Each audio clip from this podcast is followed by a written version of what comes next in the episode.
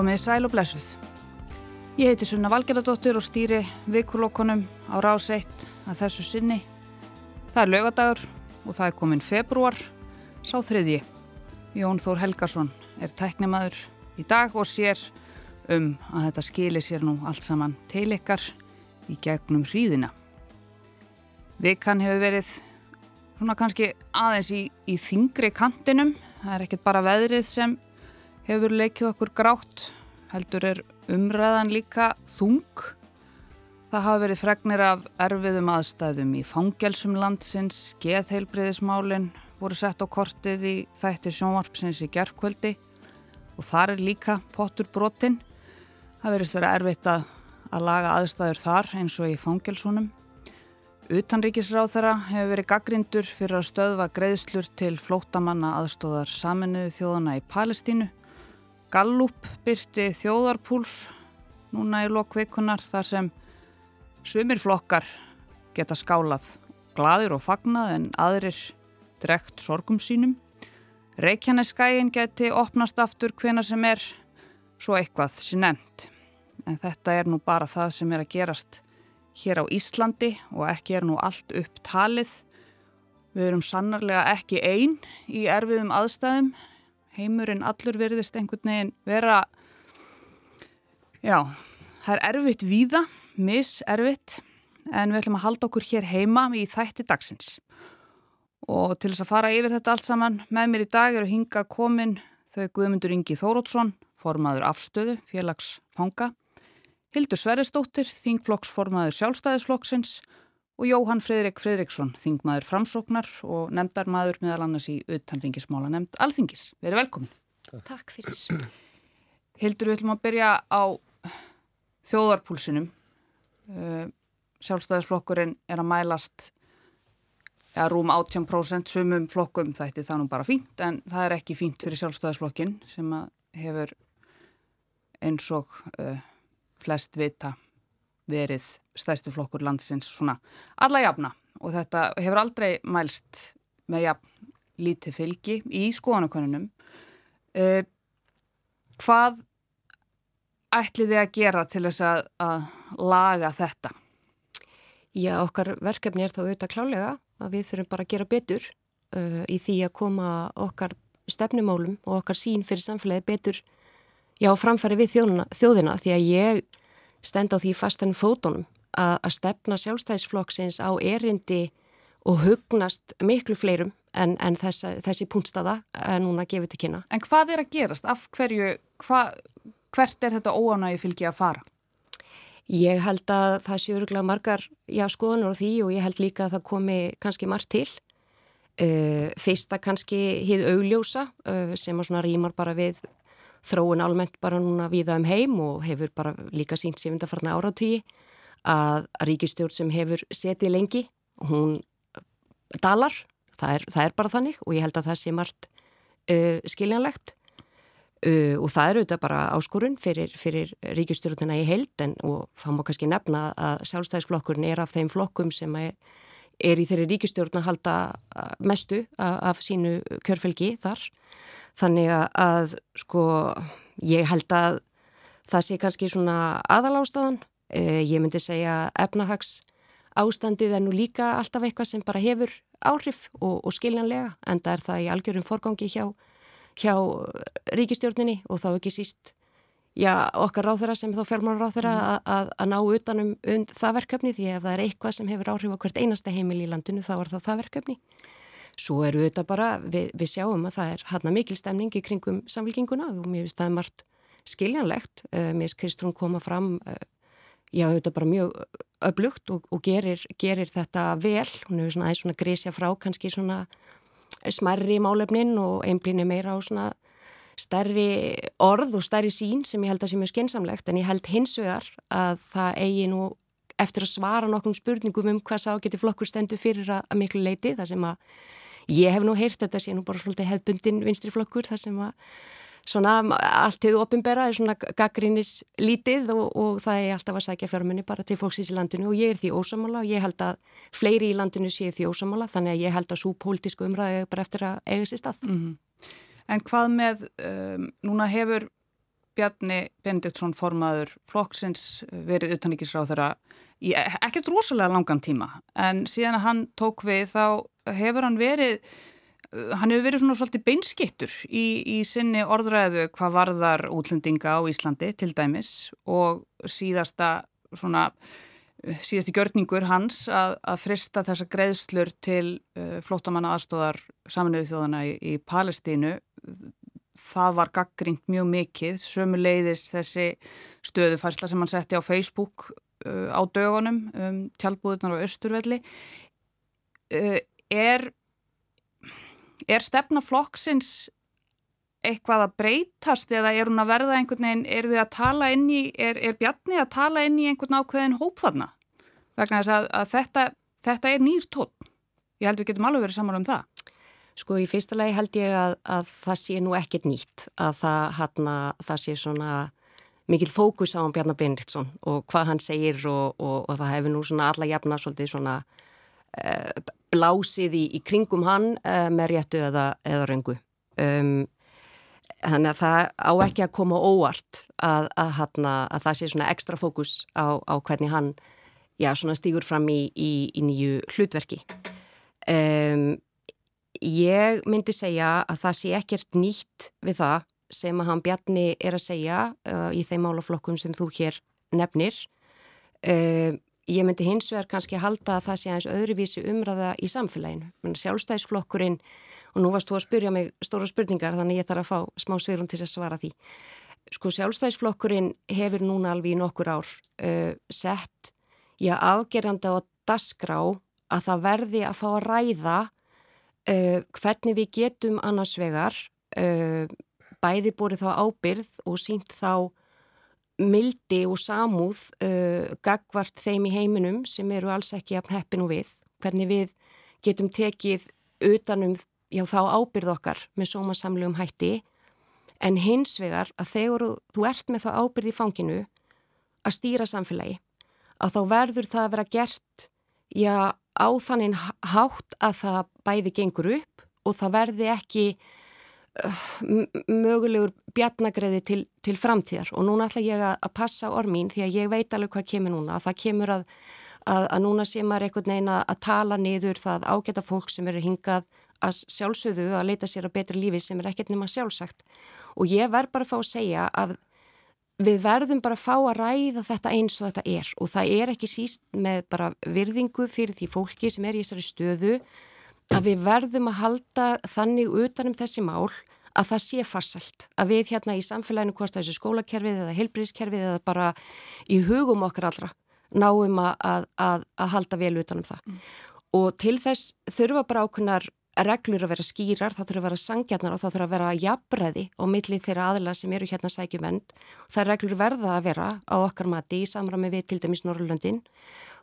Þannig að sá málflutningur er ekkit nýr og ég hérna, sko orð bjarna eru bara þau. Og þannig að ég sko, já, já, ég meina hefði einhver kannski orðað þetta annað er endilega við hæfi að taka saman vissulega ólík viðfangsefni í þessu stóra mengi sem að þessi máluflokkur er. Það má alveg hafa skoðun á því og mér finnst það bara sjálfsagt í líðræðsleiri umræðu. En í, í botn og grunn það sem að Bjarni hefur verið að segja er bara við, við verðum hérna að ná, ná tökum á þessu. Við verðum að gera þetta vel og kannski í botn og grunn við verðum að fá að ræða þetta án þess að vera alltaf spurður hvort að hér sé verið að tala við einhverja ákvæmna hópa, hvort sem hér sé einhvern veginn verið að reyna að búa til sundrunga eða skautun í samfélaginu. Við verðum bara einfallega að ræða þetta, þetta er bara okkar verkefni. Er þú sammála þessum uh, annars vegar þessari skoðunbjarna á tjöldunum á Östurvelli og hins vegar þessari ákverðunansum að, að þrista þessar greiðslur til flótamanna aðstóðarinnar? Sko, já, við... Hefur þú gert þetta líka? Við öll í sjálfstæðisfloknum uh, erum sammála sko í, í, í botn og grunn hvernig þetta reglu verk verður að, að, að líta út. Er það þannig? Er þið alveg samála? Já, já, já, heilt yfir eru það. Þetta er blæbreðmunur og áherslumunur og, og allt slíkt, bara eins og í flestum málum hjá sjálfstæðarfloknum. Uh, en, en heilt yfir eru við alveg, alveg samála um, um, að, um að þessi, já, þessi mál verður bara einhvern veginn ganga upp. Ég held að það sé kannski besta orðið til þess að lýsa þessu og með þessa fristingu að þá kannski finnst mér nú alveg rétt að taka fram að ég skil mæta vel já svona hughrifin og tilfinningafólkska hvert þessu uh, viðkama máli sem, a, sem að þessar hörmungar uh, eru að, að svona að, að koma okkur fyrir sjónir. Já, þetta lítur ekkert rúslega vel einhvern veginn út á blaði að, að stöðva greiðslur til flótta manna aðstóðar. Já, ég get, get skilið það og ég skal bara klára hérna örstuðt. Ég get alveg skilið það en ef maður horfir á þessa ákurðun bara uh, svona, ef maður reynir að setja svona hughrifin og kannski tilfinningarnir til hliðar, ef maður skoðar bara þessa ákurðun þá held ég að hún sé bara mjög ábyrg en það eru fjöldamörg ríki sem eru bara að gera nákvæmlega þetta að, og og það, það var ekki verið að, að segja að engar greiðslur myndu koma nokkuð tíman þarna til aðstóðar, alls ekki. Og þörft á móti með tilkynntu bjarni stuttu setna að hann er að auka stuðning til þessa svæðis bara með öðrum leiðum. Þar sem það eru ekki þessar ásaganir að áhugir af því að þarna sé, já, já verið að, að stuðla að já, reyðverka árás mm. á einhvern hátt og það er bara auðvitað algjörlega ábyrgt og sjálfsagt að taka á því. En ég heyr alveg hvað ég búið að segja um að það hefði kannski mátt orða þetta öðruvísi eða láta fleiri vita á eitthvað og ég alltaf svo sem ekkert eitthvað að gerast dómar í því. Mitt matir að mér finnst nú aðeins verið að drepa hérna málum og dreif, mér finnst algjörlega eðlilegt að Íslands stjórnveld séu að frista uh, fjárlög til stofnunar þar sem að svona alvarlega rásakanir eru uppi eins og fjöldamörg ríki gerðu Uh, og hérna við erum ekki að minka stuðning til uh, fólksins í þessum hrigalegu aðstæðum. Minnst það kannski aðalatrið uh, Jóhann þú átt sæti í utrækismálu nefnd ekki lengur enda ekki lengur? Nei, nei, það er nýbúið að breyta. En hún hafðís En ég, ég var þar aftur um Hafsteinsdóttir, samflokkskona þín. akkurat. Hún situr í utrækismálu Akkurat. Og hún uh, kom fram í vikunni og í rauninni gaggrindi auðverkisráð fyrir að hafa að teki þessa ákverðun án þess að uh, eiga samráð við nefndina mm -hmm. uh, þannig að ég beðist bara afsökunar og þetta leiðrittist hér með þú átt ekki lengur sæti auðverkismál nefnd Nei, en, uh, samt mjög hérna, En áhuga, áhuga maður sko. um, um auðverkismál, hvað finnst þér um, um þessa ákverðun?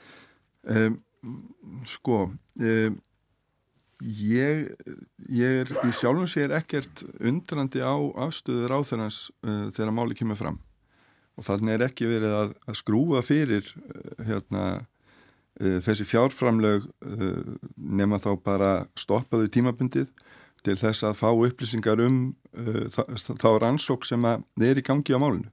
Mér finnst það út af fyrir sig ekkert ofinnilegt það sem að, að uh, Hafdís var aftur á um mót að tala um og, og mér finnst skiljanlegt hafandi setið í utærikkismálu nefnd að utærikkismálu nefnd er uh, sko þannig nefnd að það er mjög mikið samráð á milli utærikkismáþara og utærikkismálu nefndar og það hefur verið mikil bragur á því. Þannig að það komir á óvart að hérna utærikkismáþara hefði ekki upplýst nefndina fyrirfram. En mér skilst að, að það samtal uh, og það samráðu sé sannlega búið að fara fram og, þa og það er náttúrulega það sem að Hafdís er að benda á. Það eru þetta ríkalegar aðstæður uh, á gasa og ríkistjórnin og ytterrikismálun nefndur endar hafi frumkaða því að hækka þennan stuðning.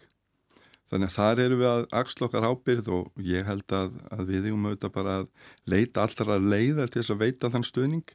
En það gefur alveg auga leið að, að ráþarinn hefur talið ástæðu til þess að staldra við um sinn það er svona mín sín á, á þetta. Auðvitað bara e, það sem þið rættið hér áðan tjaldbúður á Östuvelli ég held að þetta sé að mörguleiti svolítið nýtt fyrir okkur Íslendingum. E, auðvitað held ég að allir flokkar og mest okkur stið allt stjórnmálafólk sem ég þekki stiður heilsugar e, sko friðsæl mótmæli. Og jáfnveil mótmæli það sem að, að hérna fólk kemur sinni skoðun mjög stert á framfæri. Aftur á móti sko er alveg eðlilegt að fólk staldri við þegar búið er að reysa tjaldbúðir um langan tíma og, og, og það er svona kannski bara eitthvað sem að eins og ég segi, við erum ekki vön og, og eðlilegt að taka þá umræðu líka. Það var kannski tótnin Já, frekar heldur en... Ég las þessa, ég las þessa fæstlu formans uh, sjálfstæðarflokksins og hérna já, ég minna, einhver leiti hvað svolítið við nýjan tón þar sem að hlutunum var pínu blanda saman og ég er ekki alveg vissum hvort að að það hefur endilega verið hérna, sko, ráðhjáum að fara þá leið. En, en ég er alveg sammála hildi sko, að, að sko, málefni útlendinga á Íslandi og nú tala ég bara út frá hérna, sko, aðkomi minni að þeim málaflokki í allsjóra mentamálanemnd í tölvast langan tíma að þá er þetta ekki átags uh, sko málaflokkur. Þetta er ekki málaflokkur þar sem við erum með eitthvað sérstaklega áttak í gangi sko við erum bara fjölmenninga samfélag við erum að takast á við kostu og galla þess og alla ánga þess. Uh, það eru þetta hæst bera undarförnu sko kerfi okkar í kringum alþjóðlega vend og það eru þetta bara fyrst og fremst vegna þess að fjölgunin uh, af umsóknum í það kerfi hefur náttúrulega verið gríðarlega undarförnum 2-3 árum uh, sko um mörg 100% og þá vorum við bara, það verður bara að segjast við vorum bara ekki tilbúin til þess að takast á við það. En það voru stjórnvöld sem að fóru sömu leið og vestræna þjóðir að bjóða hér hérna, flótafólk frá Úkrænu velkomið.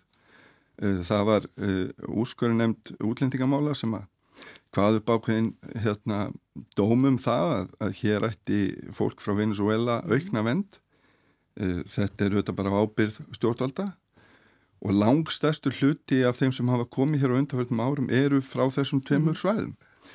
Eh, það breytir ekki því að við fórum í mjög mikla rýni á útlendingalögin á síðusta eh, þingi og þá mjög hart tekist á um þau. Annars vegar er, er, eru hér hópar í samfélaginu sem að fara að vilja landa með opinn Uh, og svo eru aðrir sem að vilja svona við stígum fasta niður og það eru líka sömu sem vilja bara loka þeim. já bara loka þeim og ég held að, ég held að þessi sko þessar skotgrafir ef maður kallaða það uh, séu ekki lýsandi fyrir uh, svona hugmyndi stjórnmálamann á Íslandi almennt. En, en samt fer þetta hæst í samfélaginu. Þannig að ég held að verkefni okkar ætti að vera það að reyna að nálgast þennan viðkomum málaflokka að mannúð, tryggja það til að mynda vendarkerfið okkar virki fyrir þá sem að eiga þar sannlega að vera. Það voru gerða breytingar útlendingalögum eins og í nefni og, og þar var til dæmis uh, reyndað að, að, að gera kerfið skilvirkara. Gott dæmum það er, er fólk sem að á heima, eða átti heima kannski bara hér uh, í öðrum kerfum eða hafði bara reynilega hér tækifæri til að sækja hér um vinnu eða hafði fengið vend í öðru landi og, og svo, svo maður lengi telja og svo náttúrulega það sem er kannski mest í fókusin finnst mér svona personlega þurfa að vera að það er hvernig við erum að, að hérna, vinna úr umsóknunum. Það kemur fólk hérna inn í, inn í þetta vendakerf okkar það býður kannski mjög langan tíma eftir einhvers konar úrlössinir að mála. Mér finnst það ekki mannúðlegt. Það er ekki takt við það sem að Norrlundin eru búin að vera einbetið sér að vegna þess að þetta fólk býður auðvitað á milli vonar og óttum hvort að það verður sendt úr landi eða hvernig það verður. Og síðan auðvitað bara inngilding þeirra sem að síðan fá vend eða koma hingað innan Evróska efnaðarsvæðisins eða annar staðar frá að hafa hér réttindi og það skiptir okkur mjög miklu máli í, í, í því samfélagi sem að blasi við að við hugsum um okkar gildi og við tryggjum það að þetta fólk verði e, og hafi tækifæri til þess að taka virkan þátt í samfélaginu. Guðmundur Ingi, uh, þú ert formaður afstöðu félagsfanga og þegar við ræðum um, um fangelsismálun á Íslandi og, og fanga á Íslandi þá er kannski eðlilega, eðlimál sem samkvæmt fókuserað á, á íslenska fanga uh, vegna þess að þeir hafa jú tengingu inn í samfélagið og, og eiga fjölskyldur og, og þar framist í göttunum, en það eru líka margir útlendingar í fangelsum landsins. Hvernig, hvernig reyður þeim af? Já, það er alltaf, það er erfitt fyrir fólk að vera í áplánun uh, fjari heimahögum það er mjög, tekur mjög á og þeir eiga erfitt oft með að skilja hlutina og, hérna uh, kannski tengja við aðra og, og hér á Íslandi hef, uh, hefur verið svolítið gaggrínt einmitt sko að það hefur ekki verið tekið nógu vel á móti útlendingum í fangilsum líka, bara eins og í samfélaginu mm. um, það hefur verið skostur á því að, að reglur séu þýttar og þeir fái tólka og annars líkt, þannig að þeir eru mjög einangraðir í fangilsum Er rasismi einan fangilsuna? Nei, ég, ég held ég get ekki sagt það, Eða, það auðvitað alltaf einhverju, mm. einhverju leiti sko. En, en, en það er ekki, útlendingum hefur í raun og veru ekki fjölga mikið þrátt fyrir þessa fréttir sem vorum daginum að, að 75% eh, af þeim sem var í gæsluvaraldi var útlendingar, það er heildin sem slík hefur ekki, hefur ekki fjölgað um heild. En en, en útlenskum konum hefur vissulega fjölgað mikið. Þannig að hérna Já. Um, höldum að þess áfram með, með fangilsismálinn það, það endalösa baráttumál þitt og, og fleira fólks. Um, kveikur var með umfjöldunum um fangilsismál í, í vikunni. Um, þar var í rauninni verið að, að bara sína kannski bara uh, í sjónvarpinu aðstæðunar á litlarhönni uh, óbóðlegt segja allir eiginlega bæði uh, fangar og fangaverðir og, og uh, ofinberir eftirlits aðilar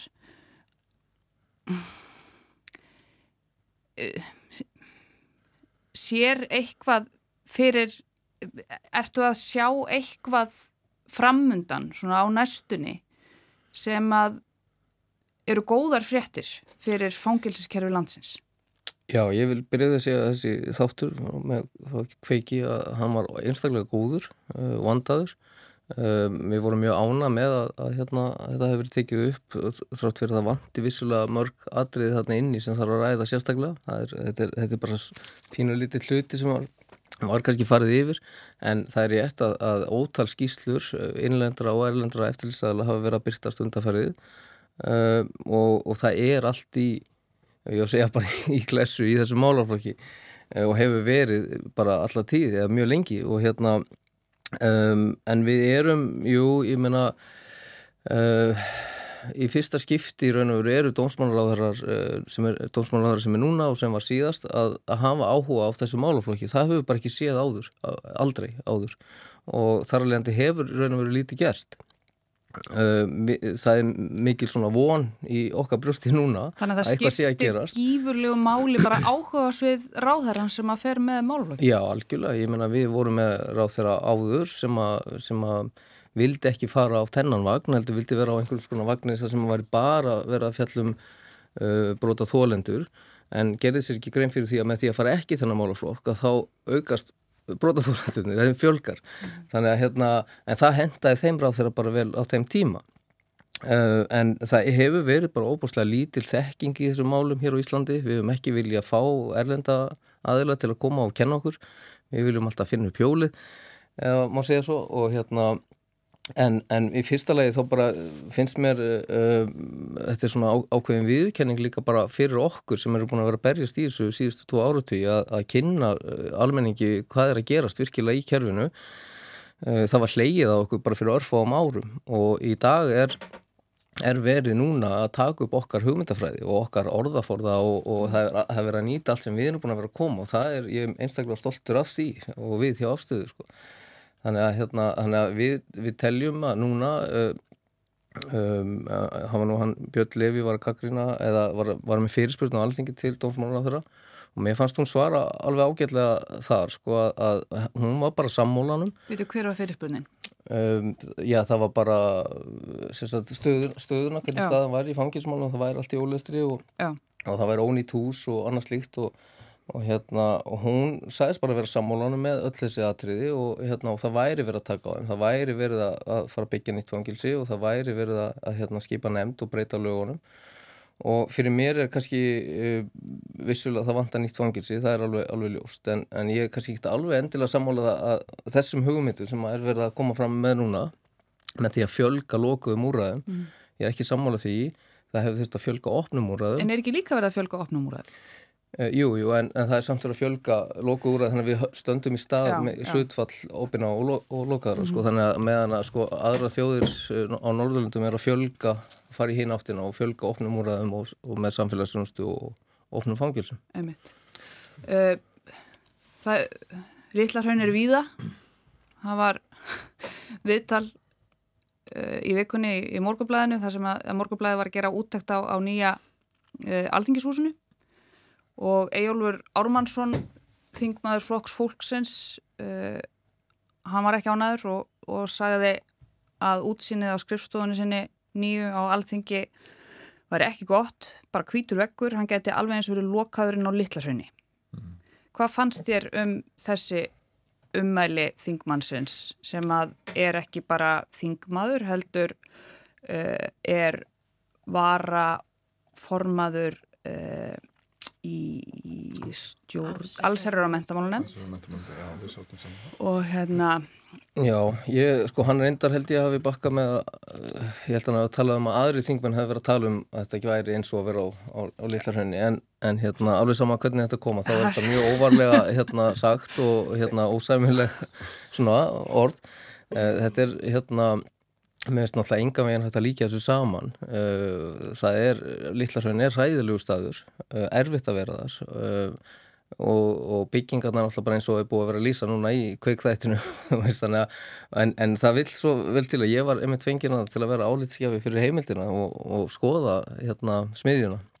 Og ég lappaði þarna um með þeim og, og skoðaði þessa byggingu hátt og látt og mér fannst hún bara mjög flott og hérna þetta er allt nýtt og viðst ég ekki alveg sammála einhverjum, ég fannst sófin óþægilegur og, og hérna, og kannski óeðilegt Þú er ekki sérst í sófan og sagt þetta bara eins og lilla Nei, nei, það, það er ágættið sófi og lilla en hérna, en uh, en skal segja þér uh, að það ekki sé að tryggja að hljóð berist ekki á milli fundarherbyggja eh, er kannski ekki gott en, en, en byggingir sem slíka er bara mjög vel hefnuð og frábær og, og enga veginn hægt að líka þessu saman Hvað segir þú Hildur?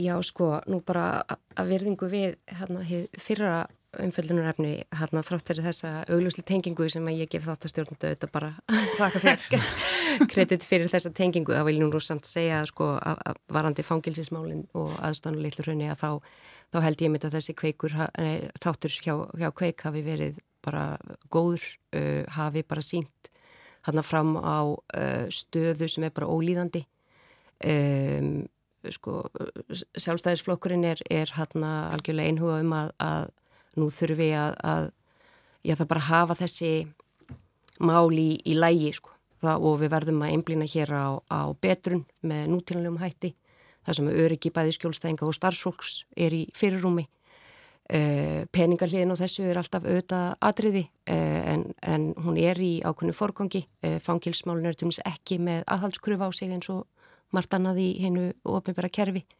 E, Þörst á móti var aukið um hvað 350 miljónir til þess að fjölga plásum og sopna og svo framvegs og nú á að, að byggja uh, nýtt fangilsi. Þannig að um þetta er já, samstæða af því sem að, að ég veit best uh, og ég vil kannski bara fá að segja að mér finnst þetta bara að vera svona atriði og ég vil tala nú hérna um sem kannski svona pínu svona frelsis kisa eða áhuga maður sko. Og mér finnst líka það er bara svona grunnatriði í ríki sem vil vera sangjant að, að ef það allar að vera að setja sko reglur og hafa um hvernig við höfum allar að hafa okkur og, og refsa fólki og dæma að þá finnst mér bara eðlilegur svona hinn hliðin á þeim teningi að ríki þá að sjálfsögðu standis í því að hafa uh, já, já, þann enda uh, sómasamlega gerðan. Mm -hmm. Þannig að, að hana, og ég myndi vilja skilgrana þessa þjónustu sem grunnþjónustu mm og það er kannski önnur umræða en ég myndi vilja, við myndum ræða sko fangilsismálin í sko, ég myndi vilja forgangsráða í þáu þeirra og, og frekar horfa þá með gaggrunnu augum og ímislegt annað sem hefur ofinbyrra er að gera mm. en, en, en kannski þurfum ekki að fara út það hér og nú en, en ég held að, að eins og ég segi, ég veit að núverðandi ráð þeirra Guðrún Hafsinsdóttir er, er mjög áfram um að gera þetta vel. Varðandi já, þetta þusi í þingmónunum sko. Ég verð nú bara að segja fyrir mitt liti að mér þykir þessi umræða eiginlega bara astnaleg og mér finnst að, að eh, sem er á mörguleiti bara í, í mikilli forrættindastöðu uh, eigi að sjá sóma sinni því að vera ekki að kvarta yfir glænýri, glæsilegri skrifstofubyggingu. Ég menna, eru þarna atriði sem að þarf aðeins kannski að snikka til, þetta er ekki heppilegt fyrir stjórnmála starf þar sem að eru bæði olgir flokkar og meil hlutu og minn hlutu og svo framvegis að það heyrist millir skrifstof eða millir fundarherbyggja en það hlýtur bara að vera eitthvað frágangsatriði við hljótum að finna út úr þessu. Mm. En það allan að kvarlar ekki að mér að alltaf fara kvarta yfir þessu og ofnbjörnum vettfangi og hann að mér finnst að aðri þingmenn ættu kannski bara að hætta því. Mm. Mér finnst þetta mjög spauðilegt sko. Eh, það er ekkert spauðilegt við það samt sem áður að vera að bera þetta sama við stöðuna í fangilsmálum í landinu. Sérstaklega þá litlarhraun. Og líka sko þessi þingmaður sem að, að, hérna, að lætur þessi orðfalla eða, eða segir aðra hafa látið þessu orð uh, falla uh, var líka sagt, fulltrúi hefur unnið við það að uh, koma fólki í fangilsi í rauninni, Já. fulltrúi ákjæruvaldsins. Ég reyndar unnið við það en, en hérna sko ef ég vil, ef ég má svona kannski aðeins koma inn á þennan málaflokki heilsinni sem að snýr að uh, fangilsismálum og, og mér fannst svona þátturinn heilt yfir mjög góður og lýsandi og það er búið að vera að sauma við uh, litla hraun í hundrað ár sko mm. og nú bara komið búið að taka það ákvörðin og við ætlum að reysa nýtt nútímanlegt fangilsi það sem að áherslan er á betrun. En það sem kom líka fram í, í, í máli e, dómsmálar á þeirra í, í hérna Kastljósi var okkur vantar heldræna stefnu. Og ég held að það sé stórt ágefni og þá vil ég líka líta á sko forvarnar þáttinn í því vegna þess að við hljótum að vilja vinna því að fyrst séum við að leggja áherslu á það að fólk lendi ekki, far ekki út af spórinu. Þetta helst allt í hendur og síðan ef að, ef að fólk er, er dæmt að við séum að reyna að tryggja betrunum þeirra þannig að fólk getur komið út og verið tekið þátt í samfélaginu og eðlegan hátt og þarna kemur fram að fólk er uh, söm aðlar ítrekkað að koma í, í, í fangelsi. Þannig að það er auðvitað ekki að virka. En síðan verð ég bara að segja að mér finnst svona þessi umræða um, um húsnaði alþingis auðvitað bara, já eins og ég nefndi hún er eiginlega bara kjánaleg sko. Þetta er auðvitað, þetta er auðvitað mesta bragarbót sem við verið gerð á, á aðstöðu þingsins held ég bara síðan að skáli var byggður 97 eitthvað slíkt. Nú er þingi loksins komið með alvöru byggingu sem að muni auðvitað nýtast öllum í landinu sem að koma og sækja alþingi heim og er bara alþingi til sóma og þess vegna förða ég mig á því. Það sem að það eru þetta alþingi sem ákveður að byggja þessa byggingu og fjármagnana. Og það eru þetta aðkoma þingmanna í gegnum þennan tíma að því hvernig hún lítur út og hvernig hún hérna kemur á móts við þarfir þingsins og þingmanna. En þá kom ykkur þingmenn fram núna og segja að þetta er ómulegt þetta, þetta er þetta stór undarlegt Þetta er svona og að byggja sér hús og koma svo inn og segja þetta er ómulett hús. En ég reyndar sko hafði tækifæri til þess að stýra það í algjörlega hvernig það myndi líti út og, og hvernig það myndi nýtast. Og það má alveg, það má alveg laga hluta eh, svona, veist, það má koma með nýja sófa og eitthvað slikt og ég tek alveg undir það. Ég, ég þarf að keira til að vinna sko klukkutíma á dag og stundum kemst ég ekki heim vegna veðus og þá væri þægilega að leggja sér í einhverjum þægilegri sófa þetta eru bara smáatriði sem skipta engum máli. Stóra atrið er það að allting er komið með glæsilegt hús og það er bara til skammar að vera að bera það sama við viðkoma málaflokk eins og fangilsismál sem við þurfum að gera miklu betur í sko. Mm. Það er alltaf ekki bara fangilsmáli, ég menna staðan í hjá fólki sem e, grindvikingum, ég menna þeir eru bara á, á gutunni, ég er búin að vera með Já, flotta þú, fólk frá og mér. Þú ert búin að vera, ég var að, að hérna, beða þeim að koma í þáttinn og, og þú Já, ég er búin að vera að standbæ að fara til Grindavíku núna síðustu daga til að bjarga Þú ert í verðmæta björgunarsveitinni. Já, já, bara fyrir, fyrir, þessa fjölskyttu en það hefur bara verið gengið mjög erfilega og það er búin að vera að fresta öllum sagt, leifum til að fara inn í bæin og, og núna á að fara að hrúa öllum saman á morgun og hinn. Öllum á bara sama tíma og hérna um eitt veg. Að því að nú er þeir rættur um að sé að fara að gjósa Já, það var, uh, var í fréttum í gær svo sem, og maður, þetta er kannski orðið, orðið svolítið hættulegt, Já. ég veit það ekki, þegar að, að við erum farin að heyra jarðvísinda fólkið okkar segja að það geti gósið hvernig sem er og uh, við erum svona, já, já, einhvern veginn, það er, maður er svona næstum því hætt að, að sperra eirun, sko. Já. Já, ekki ég allavega, ég er ekki hætt að sperra eirun. Hvað? Þú býð þarna í nágræninu þú býð þarna í nágræninu já þannig, ég býð í Reykjanesbæ og, og náttúrulega þetta ferli er þetta búið að vera gríðarlega íþingjandi fyrst og finnst fyrir grindvinga en líka bara fyrir suðnisamenn og mm -hmm. einhverju leiti landsmenn alla.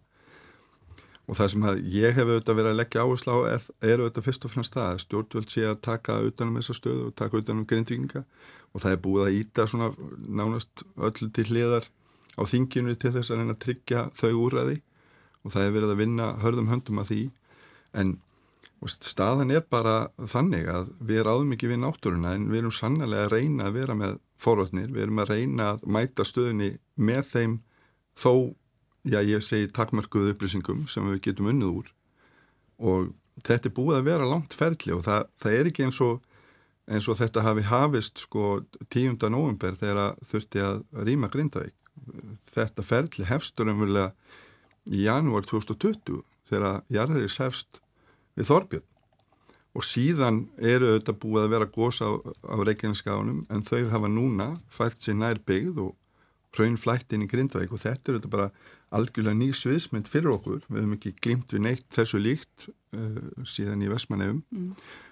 og við þurfum auðvitað bara að, að sko mæta því með samstöðu fyrst og fremst. Og ég finna alveg fyrir því á þinginu þetta er ekki pólitist verkefni í mínum huga, þetta er samfélagslegt verkefni og ég held bara að, að sko bæði varandi bara skipulag varðandi það að læra af atbyrðum eins og þessum fyrir almannavarnir og, og, og stjórnvöld og, og bara landsmenn þá er þetta bara gríðarlega áskorun fyrir okkur mm.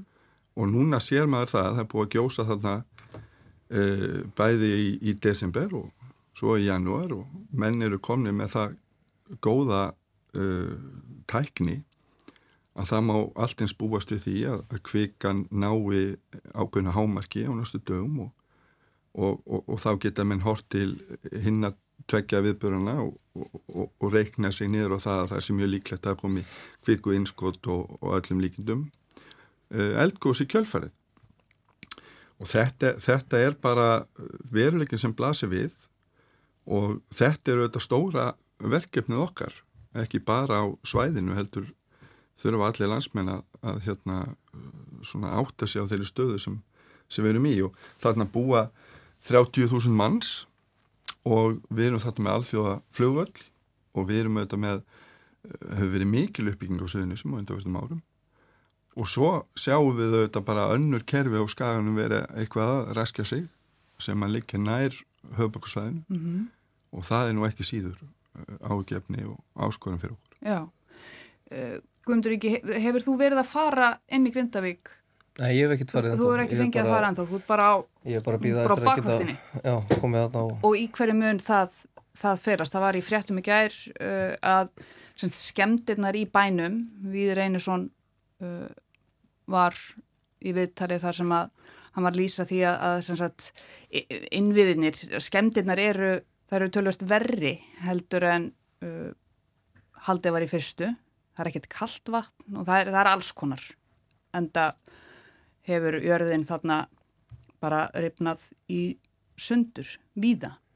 Uh, í hverju fælst þetta sem þú ert að fara að gera? Þegar... Ég er bara að fara aðstofa litla fjölskyttu við að bara ná í eitthvað af, af fötónu sínum og bara svona persónlegu munum, sko, bara þau hafa ekkert fengið að fara inn allan tíman að ná í neitt, þau hafa bara ekki, getað ekki treystið til heldur mm -hmm. og það er bara mikilvægt að, að, hérna, að, að þú komist í eitthvað. Og eru þau þá eh, með húsnæði vantanlega bráðbyrjað húsnæði?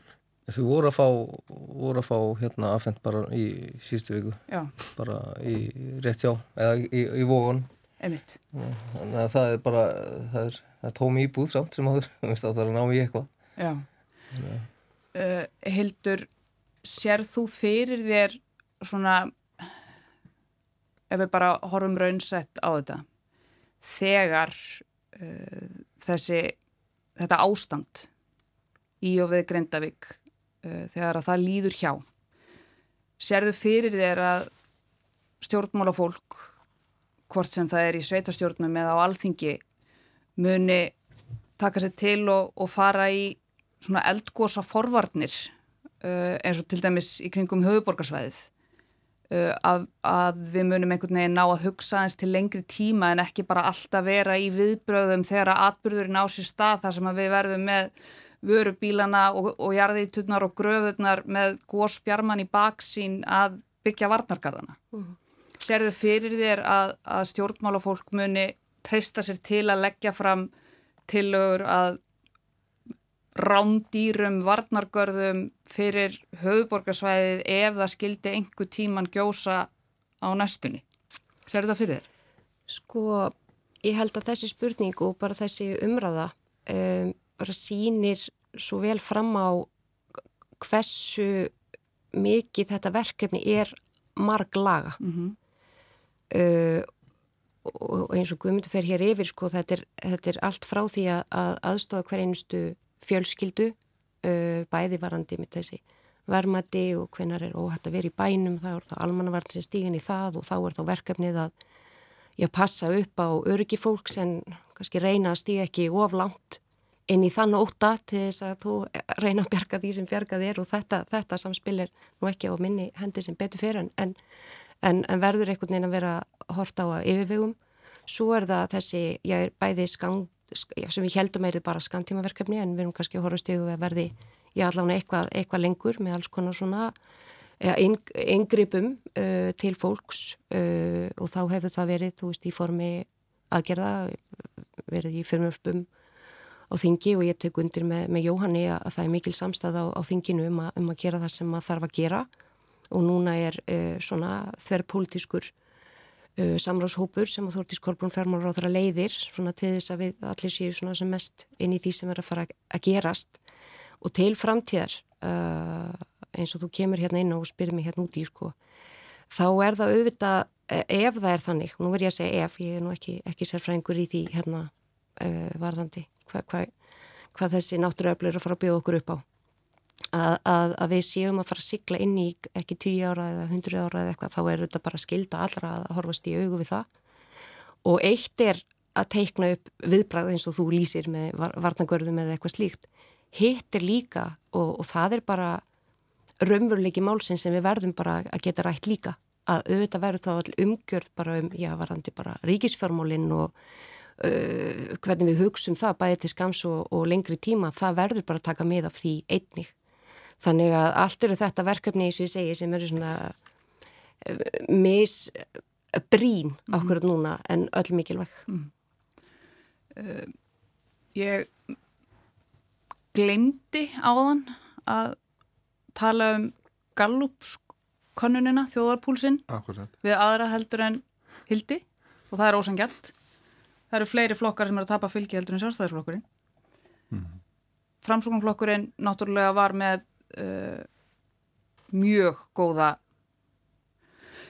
mjög góða kostningu í, í síðustu alþingiskostningum og, og sömulega sveitastjórnum. Mm -hmm. uh, fylgi flokksins hefur dalað mikið uh, samkvæmt þessum þjóðarpúlsi og er að öllum líkindum að fara ímist til miðflokksinn sem er að, að auka fylgið sitt töluvert, er komin upp í tæp 11% en framsókn í 8,4. Mm -hmm.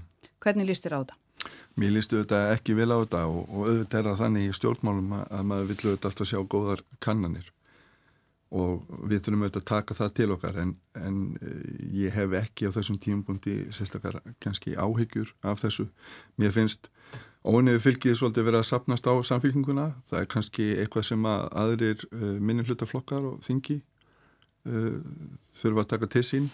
Það er alveg rétt að, að miðflokkurinn hefur verið að, að, að hækka Um, ég held bara fylgið heilt yfir bara ef við skoðum bara þær kannanir sem að Háskóli Íslands hefur verið að gera á vöndaförnum árum þá er svona þetta lausafylgi alltaf að aukast það færist meira á milli flokka. Það eru, það eru svona uh, meiri sveplur og ég held að ef við skoðum bara hvernig framsóknar var að mælast á síðasta kjörtíðanbili og svona okkar niðurstaða eftir það kjörtíðanbill sem var mjög ásættanleg þá held ég að við séum auðvitað bara að reyna að vinna vinnuna og, og viljum svo auðvitað bara vera metina því í lok kjörtíðanbills og ég held að allir flokkar í þessari ríkistjótt séu þar. Ég menn það eru áskorinni sem blasa við okkur sem eru bara mjög þungbarar. Við erum búin að vera hérna með allt upp í 10% verbulgu komandi út úr heimsfaraldri og við eh, vorum að vonast til þess að ná því hraða niður. Það er, við erum að sjá svona einhver teknolóftum að, að verbulga fari, að þessi svona hjöðnun í gangi auðvitað er þetta bara yfirgrifs mikil verkefni sem við glýmum við og, og við verðum dæmda af þeim verk, verkum það bara liggur fyrir. En ég er ég hef ekki áhyggjur sem stendur. Ég er á þeirri skoðan við séum að gera marga góða hluti í þessari ríkistjórn og ef ég horfi bara til, til framsóknar sérstaklega heilbriðismála uh, mentamála varðandi innviðin okkar og svo má lengi telja og eins get ég bara nefnt verk annarar á þeirra í þessari ríkistjórn. Uh, það er bara eðlimálsins samkvæmt uh, veiga mikið verkefni að, að stýra landinu og við eigum ekkit að hræða skagrinni og við eigum að taka til okkar uh, þar sem að byrtist í skoðanakonunum en við verðum náttúrulega líka að vera staðföst og, og axla okkar ábyrð og vera auðvitað vissum það að við séum á réttri leið og, og ég held að við séum það, ég held að það sé óhjákvæmilegt í, í þryggjaflokka ríkistjórn það sé átökka á milli mm. flokka um einstök mál, ég held að það það, gef, það var líka á síðasta kjörtímanbili og ég man alveg eftir því þegar menn voru að, að dæma þá ríkistjórn úr leik, það gerist en, sko ítrekað, það gerist ennfrekar þegar koma kostningum Svo bara niðurstaðan svo að, að svo ríkistjórn helt og umtalsvægt meir en það og er með rífilegan meir hlut á þinginu og ég held bara að við þurfum að halda áfram að vinna vinnuna og, og þetta bara taka þetta til okkar sko. Ég veit ekki hvort það var ímyndun í mér eða ekki en mér fannst þú svona gjóða þessu augunum til hans guðmundar þegar þú talar um samfélkinguna. Uh, ég ætla hann að gjóða augunum til. Uh, þú varst eitthvað tíman svona að, að að segja, dadra við það að fara þing fyrir samfélkinguna já, já. er það eitthvað sem að myndi hugnast þér? Og myndi nú svíu einn allavega núna ef þetta eru niðurstöðunar? Já, ég veit ekki, það er ég myndi örgulega geta áplánað í nýja alþykis hérna eins og aðrir. Hérna um, það er eitthvað sem ég er auðvitað mjög ánað með þessar skoðanakannanir. Þetta er ótrúlega gott fylgi sem þau eru að fá núna í þessum kannunum en, en uh, Kristrún er auðvitað óbúrslega mikill og, og góður leittói og, og, og hefur gífurlegt fylgi innan flokksins. Ég hef bara ekki séð svona bara frá því að Davíð Ótsson var yfir hérna sjálfstæðslung en hérna en, en hvort að ég sé að fara eitthvað ég, bara, það, ég veit ekki. Hvort heldur þú hafið meiri áhrif í því sem að þú ert að gera núna sem formaðar afstöðu og svona talsmaður fyrir fanga eða sem þingmaður? Um, já, ég hef, ég sagði það einhvern tíman að, að ef að þingmenn ætla ekki að fara að taka upp þessi mál eða ráþeirar og breyta í málaflóknum þá mun ég að bjóða mig fram til þings til að reyna að hafa áhrif mm. og ég menna í, í dag hefur ennþá ekkert gerst í raun og veru þannig að, að, að kannski ætti maður bara að halda þeirri stefnu en auðvitað vil maður breyta en, en, en hérna, ég hef verið óanað með marga þingmenn sem að hafa lofað mörgu og ég hef stopnað ymsa nefndir sem ég hef setið í og, og svo gerist bara ekki neitt en, en hérna þannig að maður er alltaf að verða fyrir vonbriðum sko þó að maður sé bjassið og jákvæður á að þegar það hefur verið að tala um það og svo, svo bara kemur vonbriðin alltaf eftir mm. og ég hérna Uh, ég veit ekki, þetta verður bara komin ljós en, mm. en, hérna, en ég er svona kannski ekki mikið að pæla í þessu málum akkurat ég er meira svona að hugsa um, um eins og segi í, í vikunni voru fangilsmálin yfir alla vikuna og maður var stöðut að svara fjölmjölum og, og hérna mæta á fundi og hinn um ímsunu nefndum og, og, og stofnunum stjórnskipun og eftirlýsnefndu við vorum þar og hérna en, en hérna já. Þetta, má, ég, má ég spurja, bara forutni sagir, nú er ég bara að hugsa sko út í að samfélkinginni segir og miklu flýi og hérna uh, ég er bara að velta fyrir mér sko varandi hverjir munur raðast á þessa lista. Ég myndi gera ráð fyrir, þau myndi halda einhvers konar prókjur, ég er bara forutnast, veist þú, líkur það fyrir eða? Nei, það líkur ekki fyrir og ég held bara eins og þú að það verður prókjör Já. Nei, maður myndi nú ætla. Þannig á samfélgingunni? Nei, það var einhvers konar skoðanakönnun og einhvers konar uppsetling og þetta er verið nefnilega, en, en ég er bara ekkert að halda núna það sem er svona svolítið sveg á þeim. Ég myndi halda að verði bara prókjör sem að bara 100% prókjör það að myndi ég halda. Það sko. gætu eða ekki gert neitt annað. Það var emitt einhver tíman hérna. Nei, ég myndi ekki, fyrir ekki, ég var bara forðast sko þetta fyrir. Það verður líka að segjast sko að svona skoðanakannir þær hafa líka auðvitað áhrif inn, inn í bara störf þingsins veist, bara uh, gefur auðvitað leið að, að samfélkingin sem er með held ég sex þingmenn ef ég mann rétt uh -huh. Uh, fer með heiminskautum í, í skoðanakonunum og, og það er að leiðandi svona kannski er hort á til þeirra sem svona einhvers konar já leð, leðtóar stjórnar anstöða einhverju leiti en, en þingstyrkunum þetta endur speklast ekki þar sjö. Það er sjö? Já, Já. Uh, Þannig að og það er nú oft sagt í stjórnmálum að það sé nú ekki endilega gott að toppa hérna lungu fyrir kostningar en ég held að Kristún sé að gera þessa hluti mörguleiti bara vel en hún er tiltulan í stjórnmálum. Ég kann mjög vel hérna, okkar samvinna hefur bara verið fín. Hún situr í, í fjálaðanemt með mér og hérna en ég held að sé aftur á móti áskorinin framundan uh, er sko, hvernig, hvernig mun, mun henni takast að byggja flokkin upp raunverulega. Vegna þess að það, það er auðvitað það er auðvitað það sem að, að hérna, kemur til með að skila einhverjum árangri þegar áreinir í, í mm. kostningum og ég held að það, það verður svona uh, stó, stæ, stærri hraðahindrun kannski en, en margir halda vegna þess að, að þetta tók, ef maður hórið til, til að mynda bara til, til framsóknar sem hefur náð mjög góðum árangri í undarfjörðum kostningum, þá er það margra ára ferli og ímislegt sem þar hefur komið upp á sem að, sem að náttúrulega formaður uh, flokks þarf að takast á við þannig að, að ég held að þetta verður mjög áhugavert að sjá hvernig þeim tekst að, að svona eh, hvað við segja, að láta knýja fylgja kviði og, og raun, að láta þetta raungerast eh, þegar kemur að kostningum eftir tvö ár. Ég held líka að það verði kannski áskorun um, að ég get ímynda mér og, og hérna ég myndi gera ráð fyrir því að það aukist trýstingurnum að þess verði aðeins svona skýrari um hvað þeim finnst í einstakamálum mm. uh, þannig að hérna ég get ekki alveg sé fyrir mér að, að, að það sé hægt að fara í kostingar og tala svona almennt um svona stó, stórveiga mikil mál sem að hafa kannski þau hafa kannski leift sér sem ég skil alveg þau eru þetta bara í stjórnaranstöðu og hérna það er bara mannlegt þá að, að rífast að því og halda þá að við komandi sér hljóti vera sammálum manni sjálfum. Þannig að allt þetta verður svolítið áhugavert mm. held ég og ég eins og fyrir hönd sjálfstæðisflokksins við kvíðum því ekki að tala um hugmyndafræði við samfélkinguna. Það bara, hérna, við veitum nákvæmlega hvar við stöndum og hvað við stöndum fyrir um. og við erum ekki sammála samfélkingunni í hvernig eh, samfélagi er best teiknað upp og við hlökkum bara til að ræða það. Kristúrin er óbúslega dugleg líka bara við að hrífa fólk með sér. Hún er búin að fara sko um all landið undanfarin ár bara og hérna vera að fá að tala beint við fólk og hún er búin að fara held í hundra fyrirtæki bara á síðustu vikum eða mánu. Þannig að hérna að það er duglega við þetta líka þannig að ná fylgin upp þannig hérna. Við vorum til, til að mynda að ræða hér málumni útlendinga bara sem dæmi og á síðasta þingi tókust við ansi hart á um breytingar á útlendingalögjöfinni til dæmis það verður áhugast að sjá hvernig ný fórusta samfélgingarinnar hvar hún lendir þar eh, það er eins og ég nefndi hér áður, ekki átagsverkefni það er bara eitthvað sem við munum uh, bara, já, málaflokkur sem skiptir gríðilega miklu máli til framtíðar á Íslandi. Og það er, það er svona eh, gott dæmi.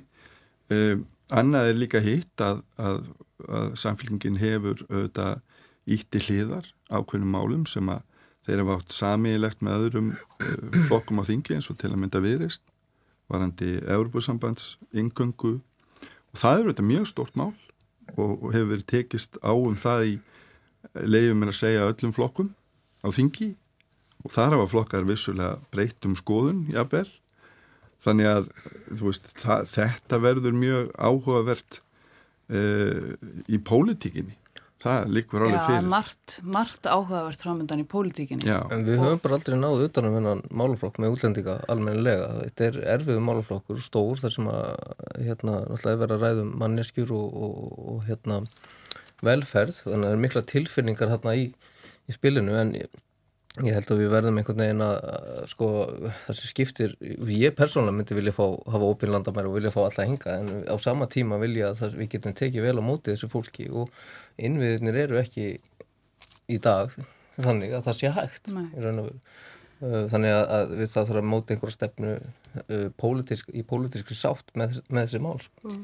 Ég tek undir það og ég held að, að það sé uh, ákveðin ástættis að halda að, að ríkistöfnir sé svona ná utanum ákveðina breytingar á útlingarlögunum bara til þess að við séum meira í samrami við já, til að mynda Norrlöndin og að sé aðeins mér er svona sangjarnu jafnbræði innan kervisins og ég veit að við höfum ekki tíma til að ræða það hér og nú e, frekar en bara því niður sko. Einmitt, en eins og Jóhann segir að þá er þetta og, og Guðmundi líka, þá er þetta bara verkefni sem að er eins og segir, þetta er ekki átæk við verðum bara að búa kerfið þannig úr gardi að það þjóni því fólki sem að það þarf að við sem þjóð getur verið stolt á okkar framlægi í því en það verði líka að ganga upp hvað hvert restina samfélaginu. Og ég ætla bara að fá í blá lokin þáttarstjórnandi fyrir, fyrir gefðu ég verð bara að leifa mér að fá að koma framfæri það sem ég er hér í beitni útsendingu hjá Ríkisúndarpinu að ég sá rétt árin ég stegi hérna í stúdíu þá sá ég að Guðrún Hafsinsdóttir Dónsmáráþara var með Facebook status þar sem hún er að leiðrétta frétt Ríkis sjónvarpsins í gerkvöldi þar sem að var sagt að, að hún og fórsáþra hefur farið með ránt mál. Þegar var að tala um já, hefur við komu fjölskyldu saminningarnar eh, frá Gaza sem eru auðvitað bæði stort og, og erfitt verkefni og, og hérna eh, en fréttin var um að, að, að Norðurlöndin væri eh, að stíga inn í það á annan háttin við, það er ekki rétt og hún var senst að leiðrætt á það þannig að ég ætlaði nú kannski bara að fá að nefna það hér, hér líka. Það verður væntanlega komið inn á það í hátíðisvettum hér eftir uh, rúmar 20 mínútur. Leifum þessari leiðrætingu uh, ég, skal, ég skal hægt að tala. Fyrir hönd tónsmálar á þeirra að vera loka orðin hér í vikurókonum að þessu sinni uh, Hildur Særistóttir, þingflokksformaður sjálfstæðisflokksins, Guðmundur Ingi Þórótsson, formaður afstöðu, félagsfanga og Jóhann Fridrik Fridriksson, þingmaður, ekki í auðtaríkismálanem. Fjárlæðanem samt sem. Fjárlæðanem, alþingis. Ég heiti Sunna Valgerðardóttir, styrðið þættunum, Jón Þór Helgarsson, að tæknimaður. Vikulokkin verða hér aftur eftir bara nákvæmlega viku. Takk fyrir að leggja við hlustur í dag og góða helgi.